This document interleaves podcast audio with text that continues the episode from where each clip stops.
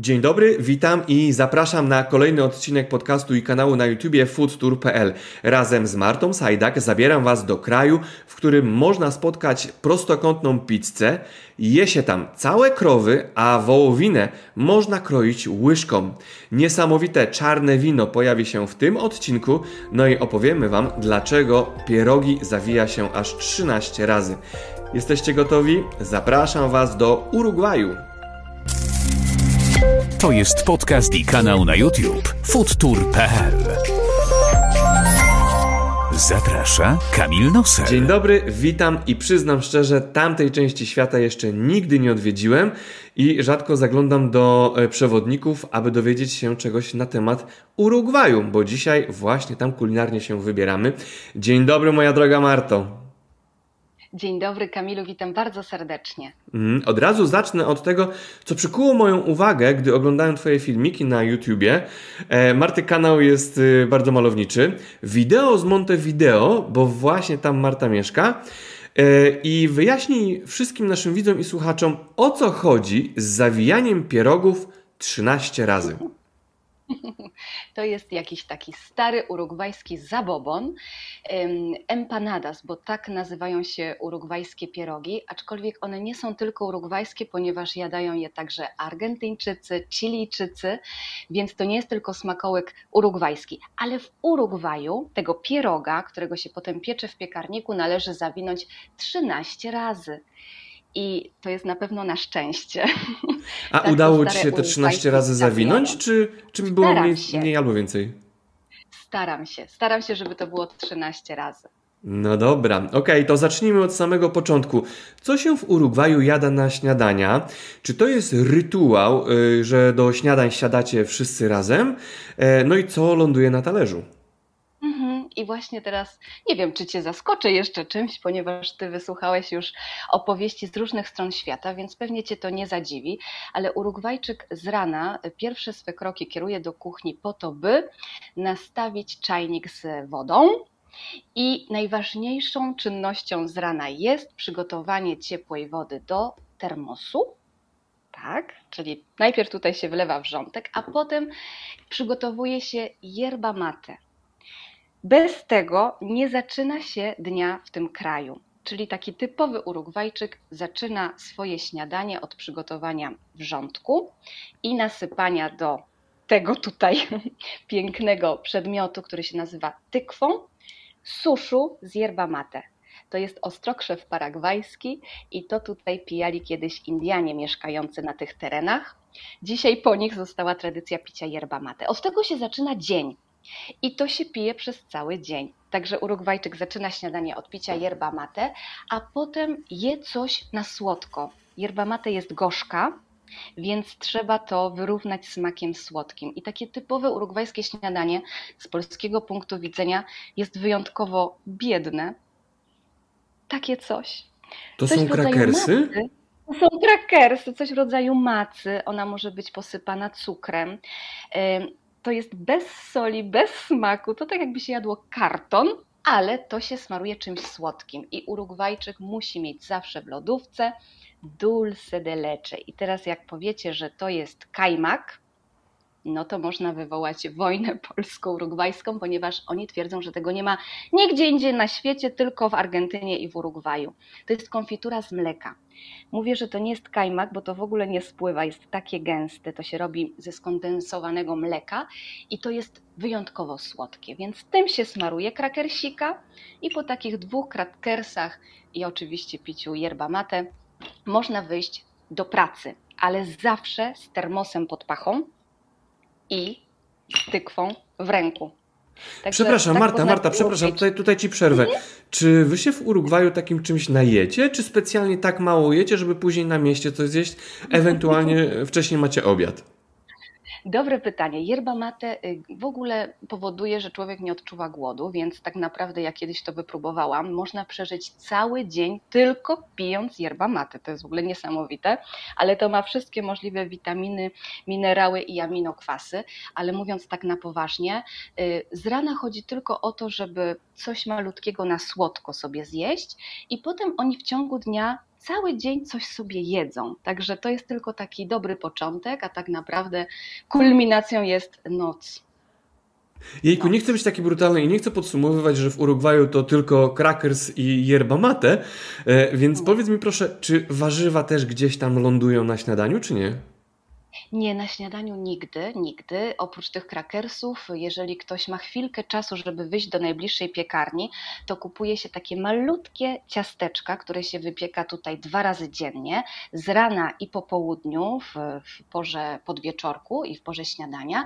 I to są mm, coś w rodzaju naszych bułeczek drożdżowych, tylko to są miniaturki. To się kupuje na kilogramy lub na sztuki. To się nazywa biskoczos i one mogą być nadziewane właśnie dulce de leche, ja tutaj będę bardzo monotonna, właśnie tą konfiturą z mleka albo dżemem z pigwy.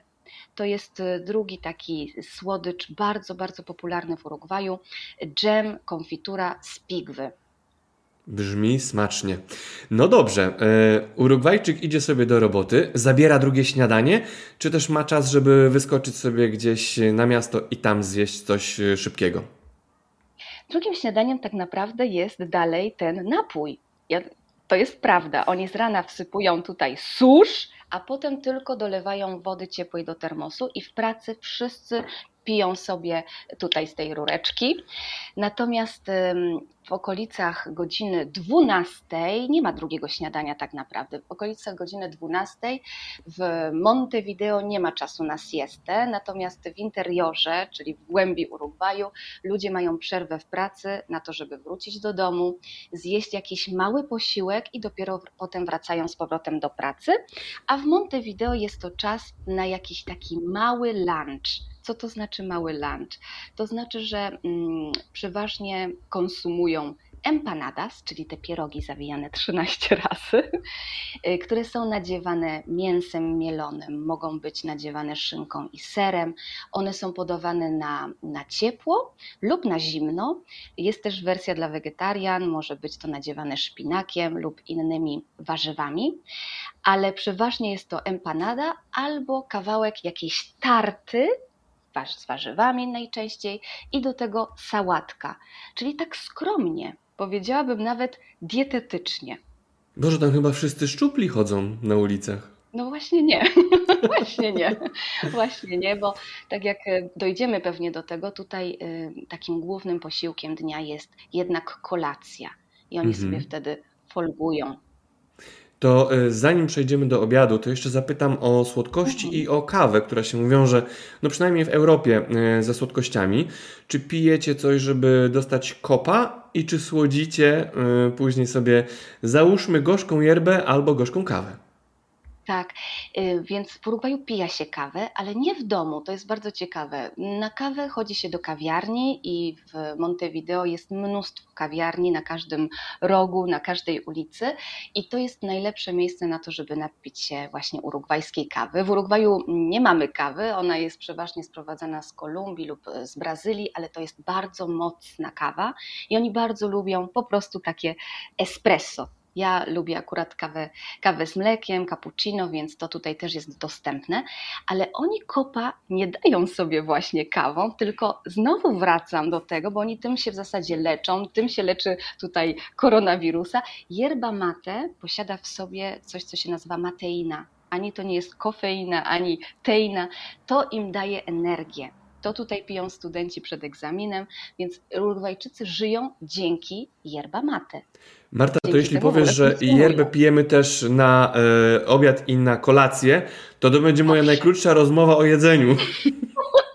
tak, naprawdę. No można przeżyć cały dzień nie jedząc, tylko pijąc właśnie yerba mate. Mhm. To e, przejdźmy jeszcze do słodyczy. Czy zajadacie się jakimiś mhm. dobrymi ciastkami, które są typowe dla Urugwaju? Jeśli tak, to opowiedz o nich. Większość słodyczy w Urugwaju ma coś wspólnego właśnie z tym wspomnianym dulce de leche.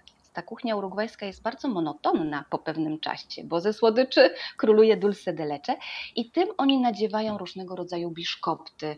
E, taki typowy urugwajski tort, który można dostać w każdej cukierni i jest na każde święta pieczony, to jest tort czacha, biszkopt przekładany dulce de leche, posypany bezą, taką pokruszoną bezą i na to idzie kolejna warstwa. Biszkop, dulce de leche, beza, więc ta beza słodycz bezy z tym dulce de leche dla nas Polaków to jest słodycz taka nie do, nie do przejścia. To jest ta zawartość cukru w cukrze, która dla nas naprawdę jest wyjątkowo, wyjątkowo mocna.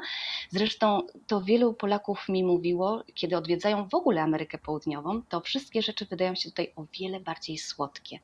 Więc oni lubią słodycze i to takie właśnie połączenie kajmak z bezą razem. Mhm. Więc ten Ale... tort czacha króluje tutaj na, na urugwajskich stołach w takie dni świąteczne, a na co dzień mm, dzieciaki uwielbiają takie coś. To wygląda trochę jakby to była czekolada, to jest zawijane w taki celofan i to jest sprasowany banan z cukrem. Banan już w sobie jest słodki, a jeszcze do tego cukier. I to jest takie o konsystencji trochę gumy do rzucia, trochę krówki. To się kupuje na, na sztuki lub e, właśnie tak zapakowane w celofan.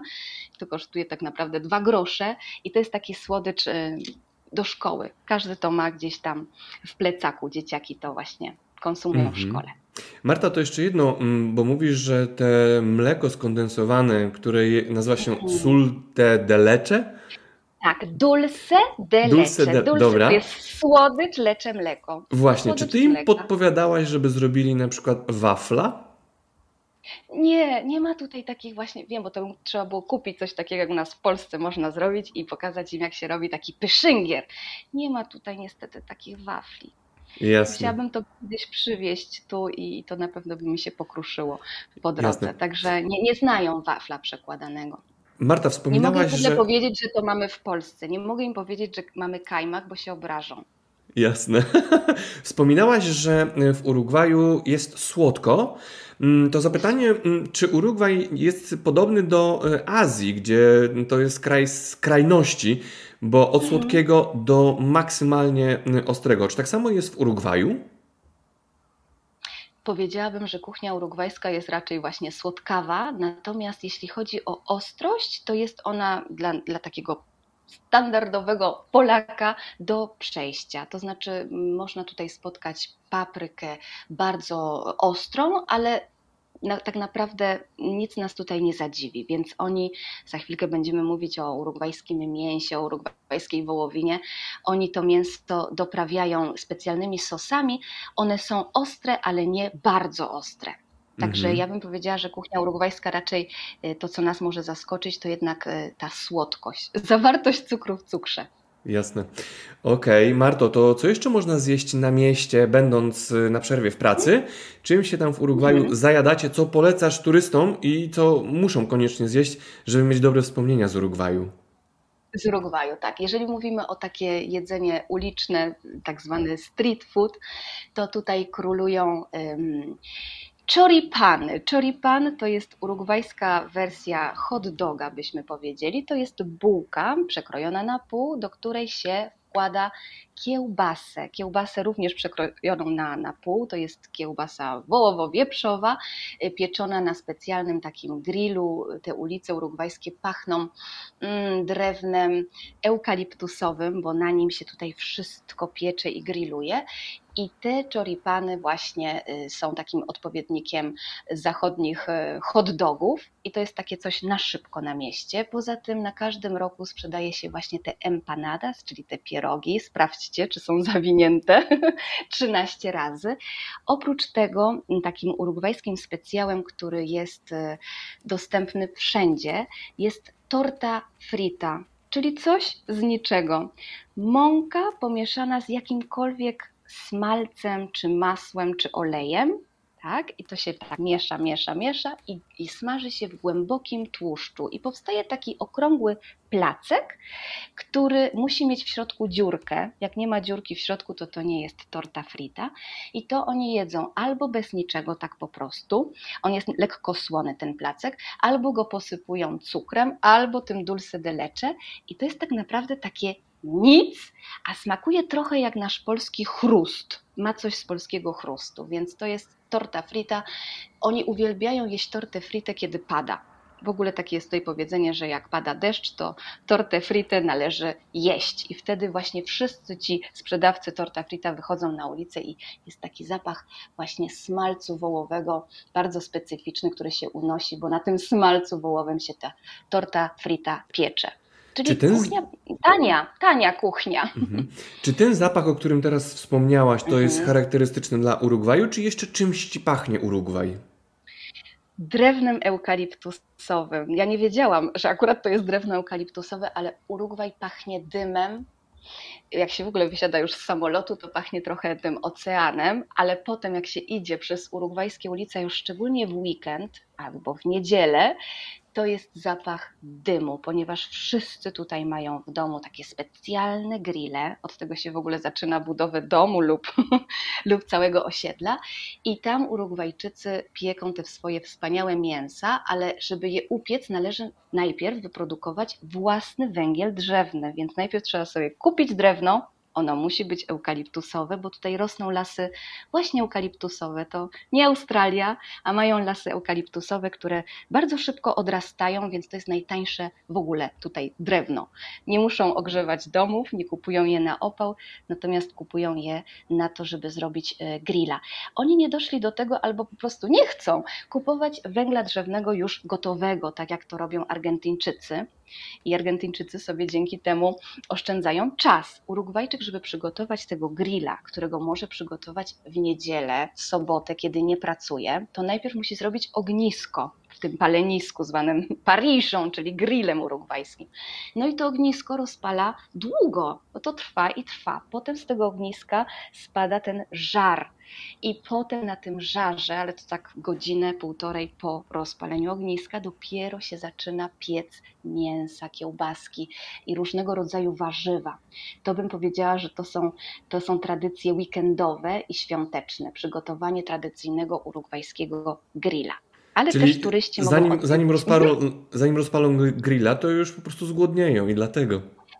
Tak, i wtedy się najadają czymkolwiek, więc ja zawsze się strasznie śmieję, bo taka uroczystość zwana asado, asado to jest y, uroczystość po prostu zbieranina osób, rodziny, przyjaciół, znajomych, ale czasami też i obcych ludzi. Urugwajczycy są bardzo otwartym narodem i jak widzą, że ty jesteś nie stąd, to jak robią tego grilla, mi się bardzo często zdarzało, że jakiś pan z targu, pan sprzedawca, który gdzieś tam mnie już widział, ja przechodziłam, mówi, chcesz wstąpić na Asado, jestem tutaj z dziećmi, z rodziną, chodź.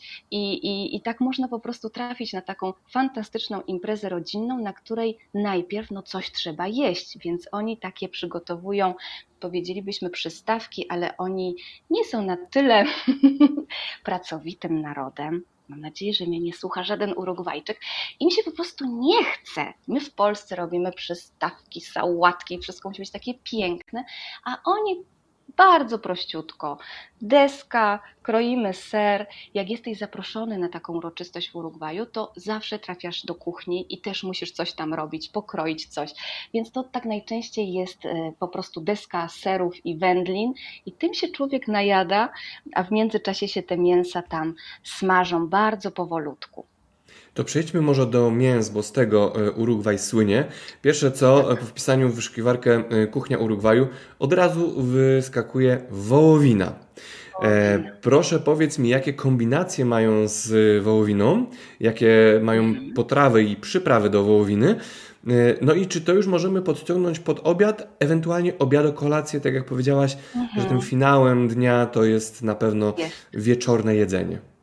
Tak, nie ma dnia w życiu Urugwajczyka bez wołowiny. Taka jest niestety prawda. Tutaj w ogóle ja nie znam żadnego wegetarianina. Myślę, że jest to spowodowane tym, że ta wołowina jest naprawdę przepyszna i ona jest w bardzo przystępnej cenie. Takie najtańsze mięso to jest polędwica wołowa, takie coś, co tutaj się je na co dzień. Więc to jest też taki no, dla nas absurd, że na przykład kurczak kosztuje o wiele, wiele więcej niż polędwica wołowa. Więc ta wołowina króluje, ale tak jak mówię, od poniedziałku do piątku oni nie mają czasu no właśnie, żeby tego grilla rozpalić i czekać, aż ten węgiel drzewny się wyprodukuje. Więc albo to się robi wieczorem albo dopiero w weekend. Albo się idzie do restauracji, w której ten grill już jest rozpalony i na tą kolację chodzą bardzo często do, do właśnie do restauracji. No albo smażą takiego właśnie kotleta czy, czy steka po prostu na patelni. Ale ta kolacja musi być mięsna obiad, pora lunchu to może być jakaś sałatka, tu wtedy jest bardzo ciepło, więc to jest zrozumiałe, że nie mają ochoty ani na tego hot doga urugwajskiego, ani na coś z mięsem. Natomiast wieczorem zaczyna się biesiada i to oni tutaj krowę zjadają w całości, naprawdę w całości, z oczyma, z jądrami. Wszystko się tutaj zjada, więc to może zdziwić. Ja myślę sobie też, że taka najbardziej obrzydliwa rzecz, którą ja jadłam, to były jądra krowie. Natomiast, czy też powiedziałam źle, bycze, bycze jądra no jest to coś paskudnego. Szczególnie jak ci już Porówn- powiedzą, co to jest. Porównane, porównane do smaku z czym? nie wiem, to jest taka trochę guma do rzucia, guma do rzucia, nie umiem tego porównać do naprawdę niczego innego, z takim bardzo dziwnym posmakiem, który po, pozostaje potem w ustach. Nie jadłam nigdy czegoś podobnego, nie powiedzieli mi, co to jest, tylko było Marta, spróbuj.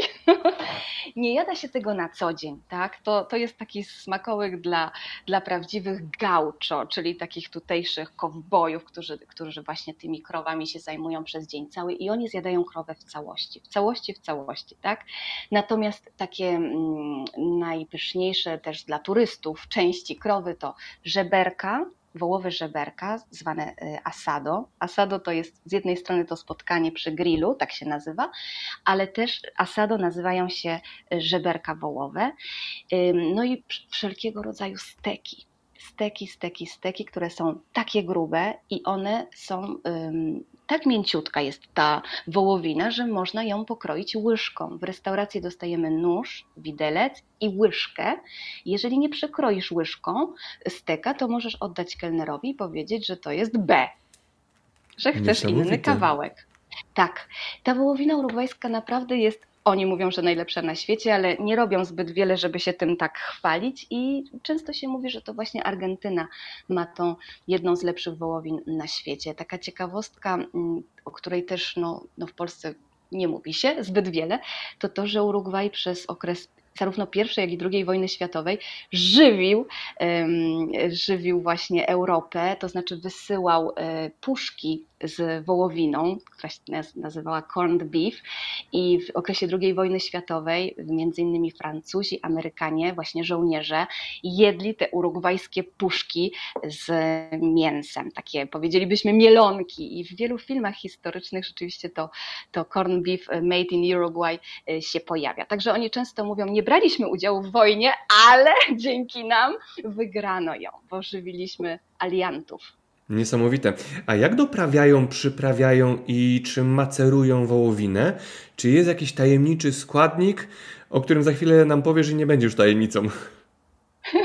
Słuchajcie, no właśnie o to chodzi, że oni to mięso potrafią jeść bez niczego i to mięso samo w sobie jest przepyszne. I muszę teraz powiedzieć przed tym, czym oni to ewentualnie doprawiają, powiedzieć coś, co tutaj się wydarzyło w 2016 roku i ja sobie wtedy pomyślałam, że to chyba już czas, żeby się spakować i wracać do Polski. Prezydent w Urugwaju w 2016 roku jednocześnie się to stało. Zalegalizował marihuanę, uprawę i sprzedaż marihuany i w tym samym roku zakazał spożywania soli. Co to znaczy zakaz spożywania soli? Prezydent, który wtedy rządził, był z wykształcenia lekarza, mówię był, ponieważ niestety zmarł niedawno.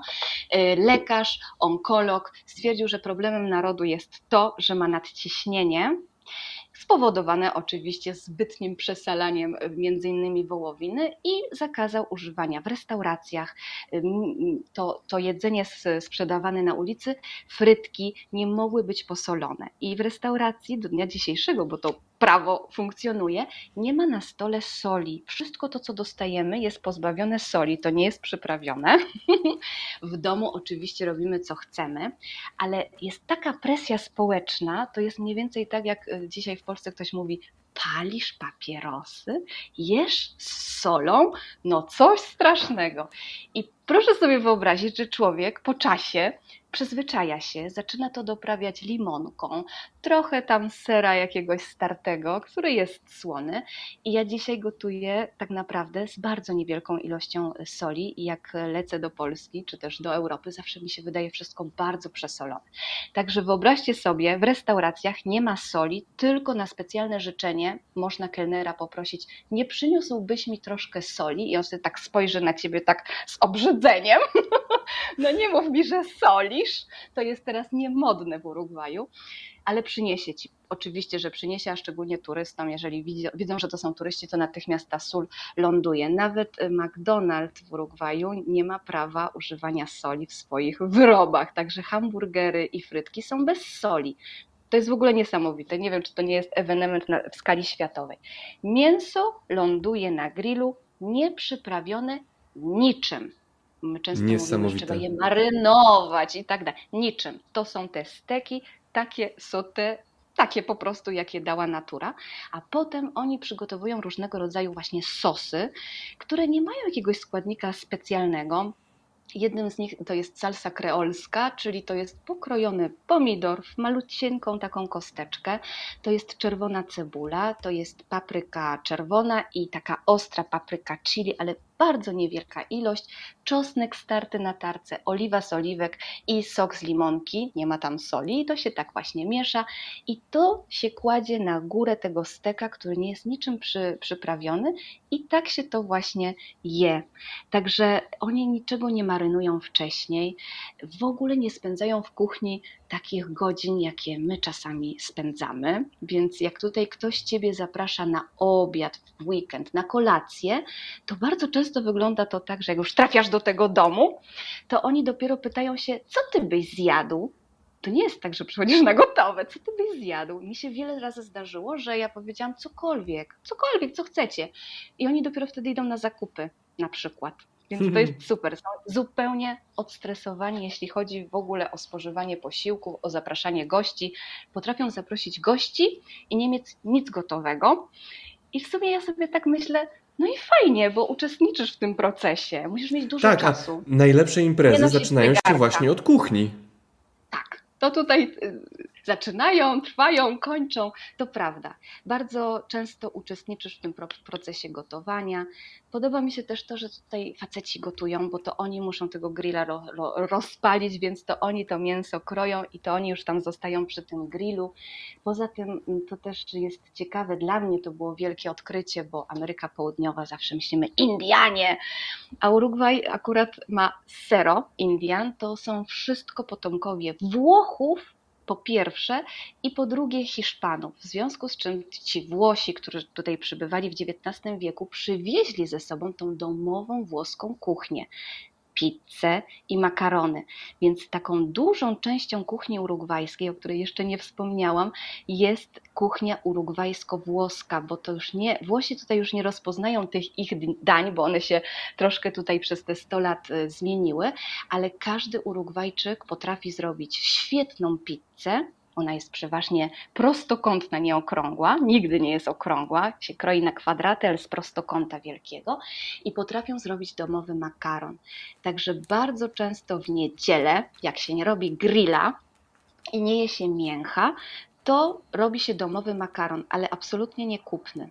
Są też fabryki makaronu, które właśnie w niedzielę otwierają się tylko po to, żeby sprzedać świeży makaron.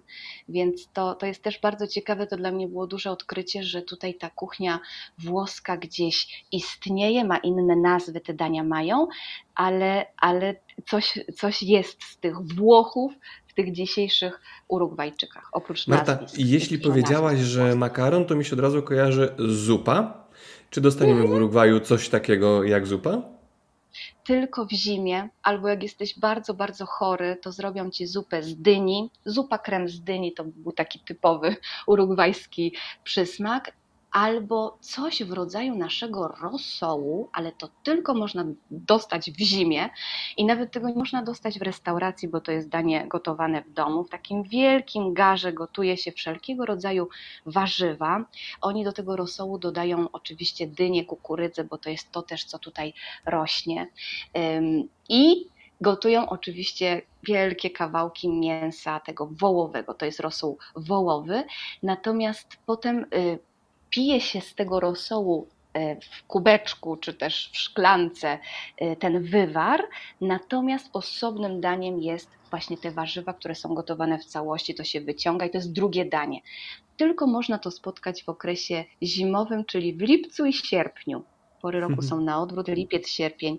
Można tutaj skosztować rosół wołowy w wersji urugwajskiej. To się nazywa puchero, puchero. Ale nie są w ogóle zupnym narodem i jak ja robię zupę, jeszcze na przykład w Boże Narodzenie barszcz, to wtedy tu jest początek lata, no to to jest dla nich nie do przeżycia. Ja to zwykle jem sobie sama. Bardzo ciekawe. Dobra, to przejdźmy teraz, y, no chyba, że jeszcze coś do obiadu dorzucamy, to, to proszę powiedz, bo chciałbym przejść teraz do kolacji, bo ponoć kolacja jest tym czymś najlepszym. Tak, to, bo oni czekają cały dzień na to, aż słońce zajdzie i ta temperatura zrobi się bardziej przyjemna. Mm, przez 9 miesięcy w roku jest tutaj ciepło bardzo ciepło, powiedziałabym gorąco. Wczoraj było 36 stopni, więc to jest normalne, że my w ciągu dnia nie mamy ochoty na jedzenie. Ja nie wspominałam o owocach, ale oni tak jeszcze w ciągu dnia zjedzą jakąś pyszną pomarańczę i mango, które tutaj nie rośnie, ale jest sprowadzane z sąsiedniej Brazylii. Sałatki owocowe też królują tutaj na stole. No i czekają na godzinę mniej więcej 22, 23, nie w weekend, od poniedziałku do piątku. Ta kolacja jest bardzo, bardzo i wtedy jest taki normalny, ja bym powiedziała, polski obiad, tylko bez zupy. To znaczy gotują się ziemniaki, robi się pire albo ryż i do tego musi być mięso. Jeśli mają więcej czasu, to jest ten grill właśnie i steki są robione na grillu, czyli na tym węglu drzewnym przygotowanym własnoręcznie, albo pieczone właśnie w piekarniku, czy też mm, smażone na patelni. To musi być mięsna kolacja. No i taka kolacja, y, często to przygotowanie trwa troszkę, więc oni się wcześniej najadają właśnie salami pokrojonym, takie mm, długo dojrzewające wędliny tutaj można spotkać, znane też z Hiszpanii czy też z Włoch, te szynki, takie ala hamon serrano, to tutaj też y, można spotkać, właśnie salami i chleb, biały chleb, białe pieczywo, no i tym już człowiek jest najedzony, potem przychodzi to danie główne, ono jest na ciepło, to jest taki pierwszy posiłek na ciepło w ciągu dnia, a no i oprócz tego ta yerba mate jest, że żołądek dostaje coś ciepłego, a reszta dnia jest tak na letnio i na ciepło to, co spożywamy. I po kolacji, bo to muszę powiedzieć, tak już jest godzina 24, lody się podaje i mówi się, że lody są na trawienie. Ja nie wiedziałam o tym, że lody są na trawienie. Lody najczęściej podawane z sosem z dulce de leche. Takie sprzedają sosy i to jest wtedy oczywiście o innej konsystencji. No i taki najedzony człowiek z tym właśnie z tymi lodami na trawienie, potem jeszcze do tej kolacji codziennie Urugwajczyk pije takie wino w takim kolorze czarnym i to jest urugwajski tanat. Urugwaj ma wspaniałe warunki geograficzne, więc tutaj jesteśmy na tej samej szerokości geograficznej co Chile, Argentyna, Nowa Zelandia i Australia. Wspaniałe rosną tu winogrona, a szczep nazywa się tanat. I ten tanat ma taki kolor, że ja kiedyś, jak mi to podali po raz pierwszy, to mówię, to to wino jest czarne. Jest tak wytrawne, tak cierpkie, że do tego się trzeba przyzwyczaić. Ja dopiero po roku bycia tutaj, y, kosztowania urugwajskiej wołowiny, zrozumiałam, że właśnie to wino pasuje. Ja wcześniej znałam wina z południa Europy, z Francji, no to takie wina, te europejskie, po skosztowaniu tanata wydają nam się wodą, wodą. Mocny smak. Oni lubią takie właśnie, a, konkretne, więc to jest konkret. Taki urugwajski tanat może nie znajdzie się w polskiej Biedronce, ale w winach świata, jak się zapytacie tanat z Urugwaju, no to to jest dla, dla wytrawnych e, koneserów. Wywołałaś temat alkoholowy, więc brnijmy w to. E, jakie jeszcze alkohole są w Urugwaju? Co byś poleciła każdemu turyście, który musi przynajmniej spróbować albo posmakować? Mhm. No, wino Tanat to jest numer jeden, ale poza tym oni lubią takie coś. No, y, prawie się kończy, to znaczy, że dobre. To się nazywa grappa miel. Tak naprawdę grappa to jest y, napój, który tutaj, alkoholowy oczywiście, który tutaj przywieźli. Włosi, we Włoszech pija się grappę, ale grappę tylko i wyłącznie o smaku tych wytłoczyn z winogron, bo grapę robi się właśnie z, z, tych resztek, które pozostają po, po tym, jak już się wyprodukowało wino, czyli z tych pestek i ze skórki winogron. Destyluje się to. To ma 25% alkoholu, ale ta grappa urugwajska jest też z dodatkiem miodu, więc to jest słodkie. To nie jest li, o, o, o smaku likieru, ale to jest taka no, taka wódeczka o smaku miodowym, tak bym ją określiła, i to też na to trawienie po tych lodach w nocy potrafią ci nalać taki kieliszeczek, wypić tak jak my w Polsce jednym haustem, no i potem jesteśmy gotowi, żeby się położyć z takimi wielkimi brzuchorami na jedzeni i ja sobie tak się zastanawiam właśnie, jak oni to przeżywają, tak, że jedzą właśnie w nocy, a potem o tej pierwszej kładą się spać i wstają rano. No właśnie oni mówią, że to, co ich tutaj ratuje, to jest yerba mate, która jest potwierdzone, obniża cholesterol, pomaga spalać tłuszcz, ach, obniża zawartość cukru we krwi, więc to jest ich lekarstwo na wszystko. Od tego zaczynają dzień, po tych grzechach nocy. Taka jest Wróćmy prawda. jeszcze na chwilę do alkoholu, bo chciałbym wiedzieć, jaka jest kultura picia e, w Urugwaju oraz czy alkohol jest powszechnie dostępny dla każdego, oczywiście 18 lat, i jaka jest cena. Tak, y, alkohol jest dostępny dla każdego powyżej 18 lat. Oni bardzo lubią oprócz wina tego właśnie tanatu, który jest dostępny w wersji od bardzo drogiej do bardzo taniej, dostępnej w kartonie, albo nawet można iść ze swoją buteleczką po jakimś napoju i pani ci nalewa z takiego wielkiego, z takiej wielkiej beczki, więc wino jest y, wszechobecne i bardzo często do tego lunchu można sobie wypić właśnie kieliszek wina i po kieliszku wina albo po jednym małym piwie można tutaj prowadzić pojazdy i to w ogóle nie jest sprawdzane. To jest taka kultura śródziemnomorska, wino codziennie co najmniej dwa kieliszeczki w ciągu dnia, to jest norma.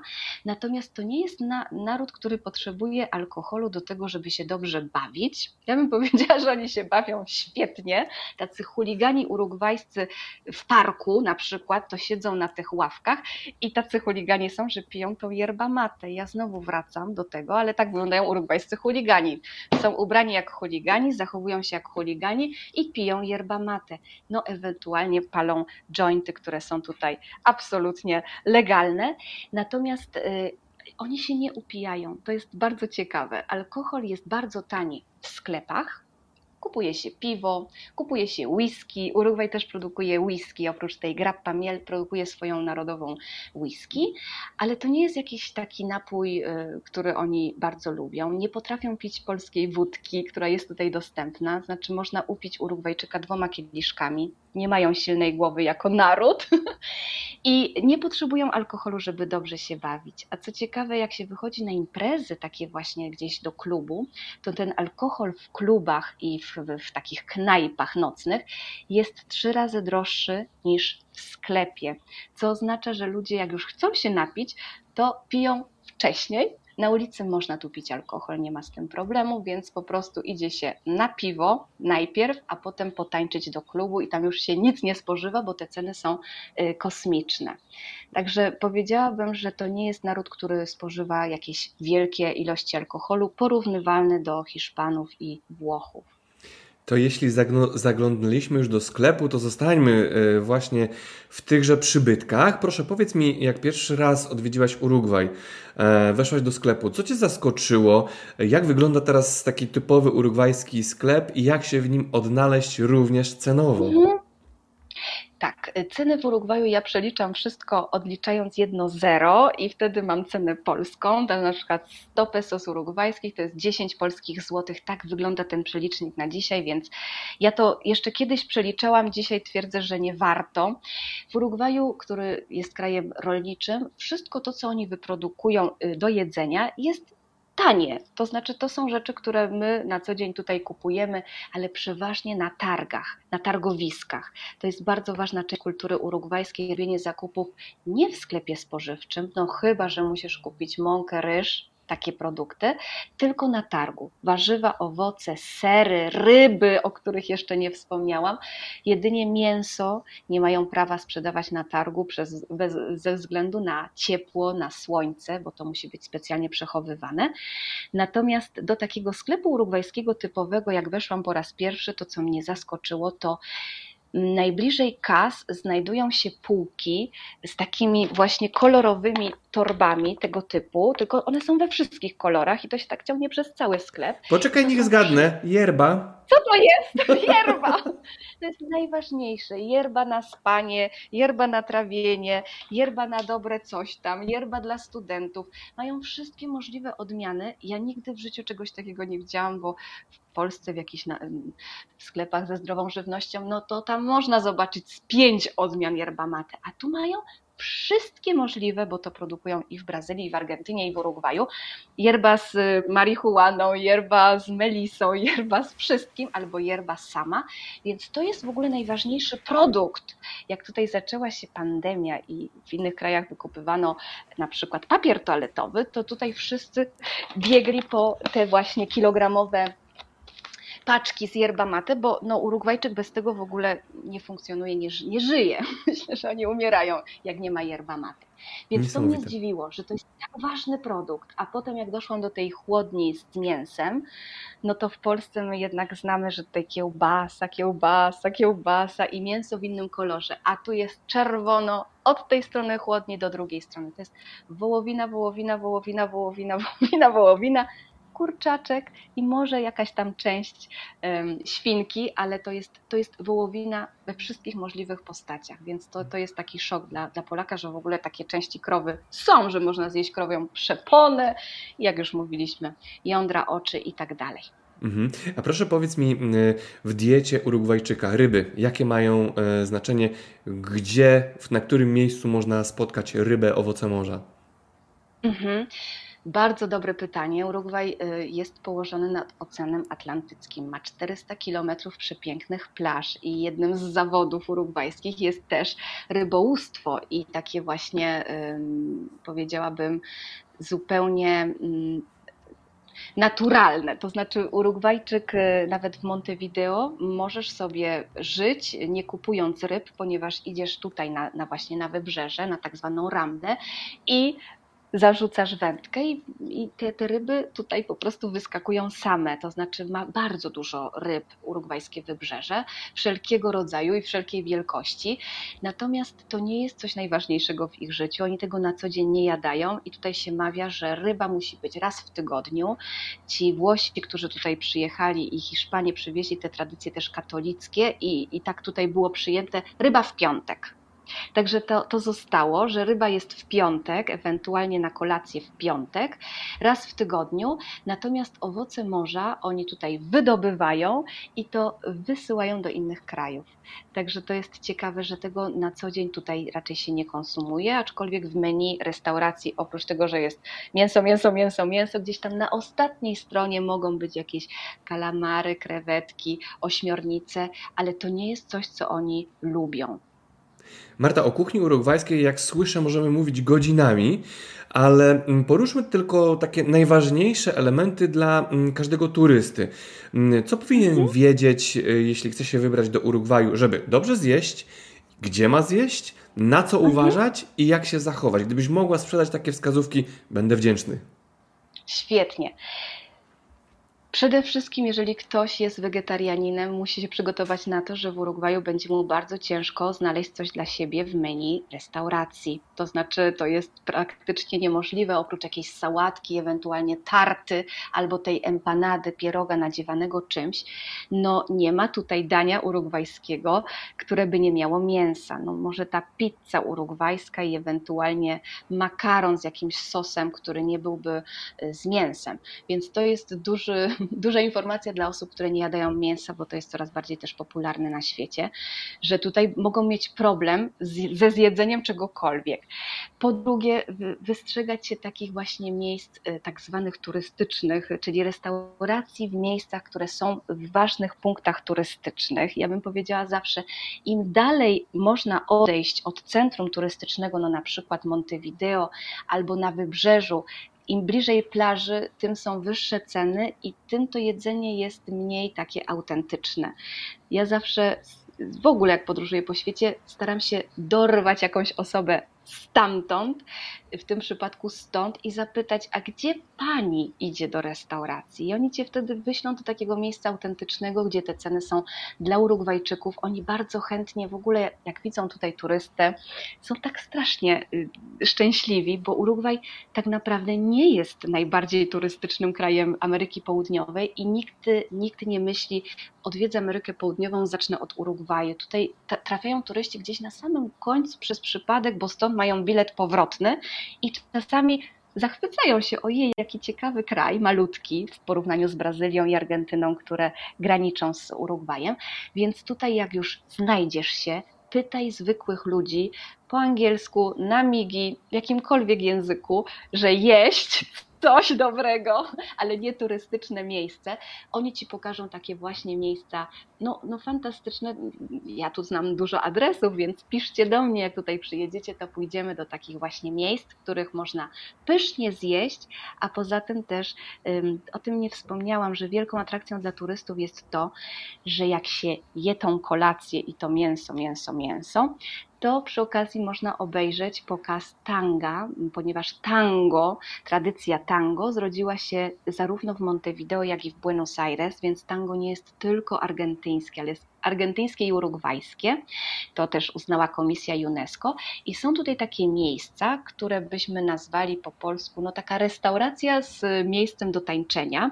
I to jest coś wspaniałego, trafić do takiej restauracji, ale typowo dla Urugwajczyków, gdzie ludzie idą zjeść kolację, a potem albo w międzyczasie jest włączone jakieś stare tango i tańczą, tańczą mężczyźni z mężczyznami, kobiety z kobietami, bo to tango wcale nie jest tańcem tutaj damsko-męskim. To jest też bardzo ciekawe, że jak są dwie panie przyjaciółki i leci sobie tango, to one idą w tango we dwie. Nie ma w ogóle problemu, że to musi być taniec męsko-damski. No i zobaczyć taki wieczorek taneczny, typowy, y, właśnie w tym zapachu węgla drzewnego eukaliptusowego z tą pyszną wołowiną, z winem tanat, no to to jest raj dla mięsożerców. Mhm.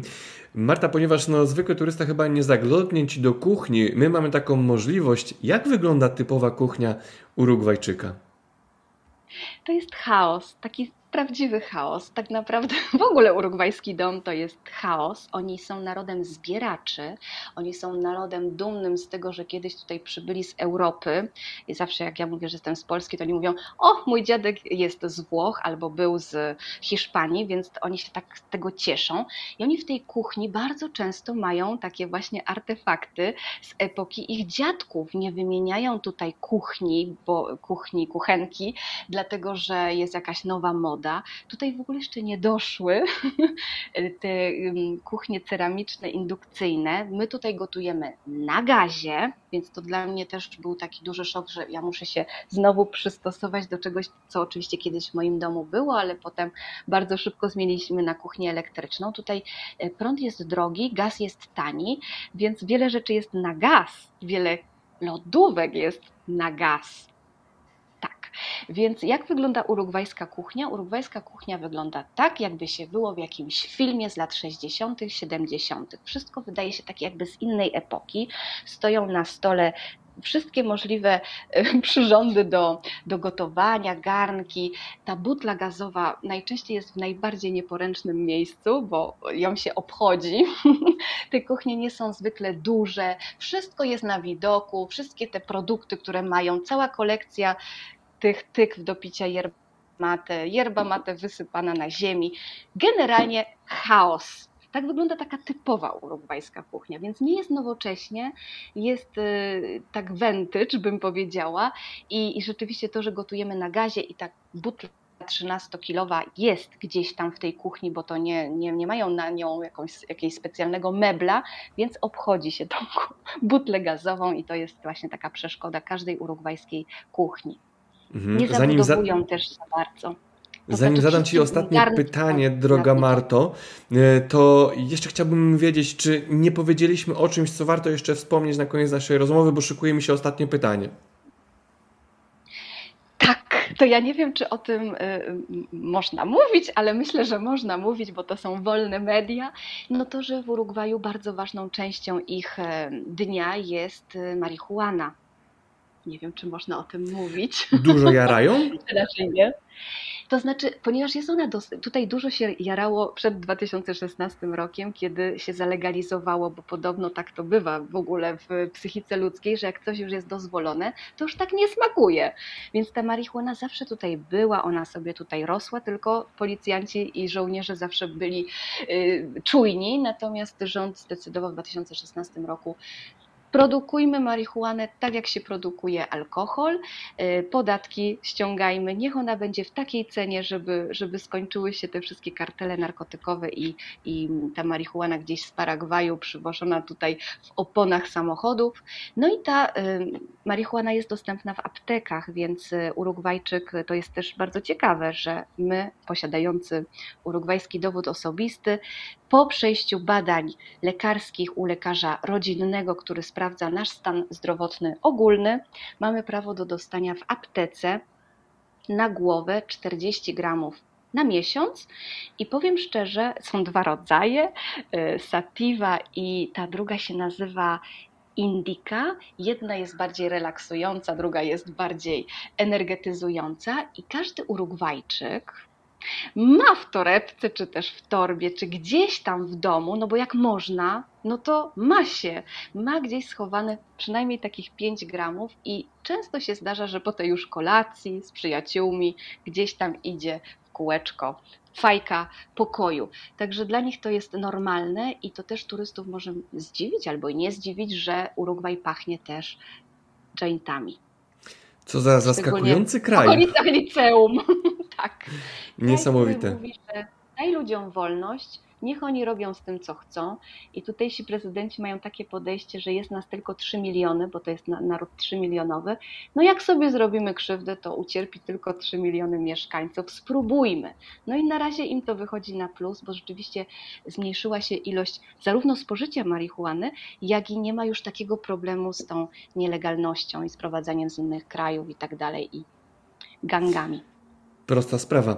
E, Marto, e, dobiega koniec naszego spotkania, więc zapytam Cię, e, za jakimi smakami z Polski tęsknisz? Czego Ci brakuje? Co Ci turyści muszą nawieść w ogromnych torbach? Błagam zawsze, jak ktoś się ze mną kontaktuje, że tutaj będzie. No nie zawsze to jest proste do przewiezienia, nie zawsze, bo czasami tutaj kontrolują też i mówią, mm, pochodzenie roślinne to nie wolno, więc tęsknię bardzo za kaszą gryczaną, niemożliwa do dostania, za koperkiem, niemożliwy do dostania, inne rzeczy hodują, koperku tutaj nie.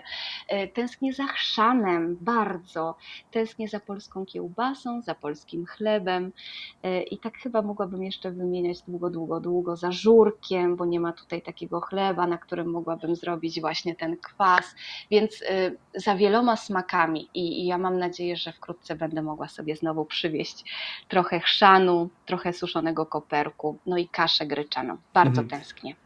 No i tego Ci właśnie życzę. Marta, serdecznie dziękuję, że spotkałaś się z nami. Dziękuję. Opowiedziałaś o kuchni urugwajskiej, zrobiłaś nam po prostu smaka i mam nadzieję, że zachęciliśmy kogoś do tego, żeby e, odwiedził e, Urugwaj, bo jak słychać, Aj, niesamowity, oryginalny kraj. Bardzo oryginalny kraj, tak. I ja się z Wami teraz żegnam i na zdrowie. Yerbą matę zasiorbie dla Was, bo to trzeba tak zasiorbać na koniec. A! Nie, nie, nie udało się. Termos jest bardzo ważny w życiu Urugwajczyka, jak już wspominałam. Na tym termosie też oni określają swoje tendencje, na kogo głosują w wyborach prezydenckich, przyklejają naklejki albo po prostu jakąś sztukę y, prezentują. Tylko dla Was chcę zasiorbać. Nie wiem, czy było słychać, ale to jest naród siorbaczy. Oni cały dzień sobie tak. Jak siorbiesz, to znaczy, że dobrze pijesz. Teraz było Na słychać. Zdrowie. Na zdrowie. Dziękuję Na zdrowie. i pozdrawiam, Marta. Dziękuję wzajemnie i ślep pozdrowienia dla Polski.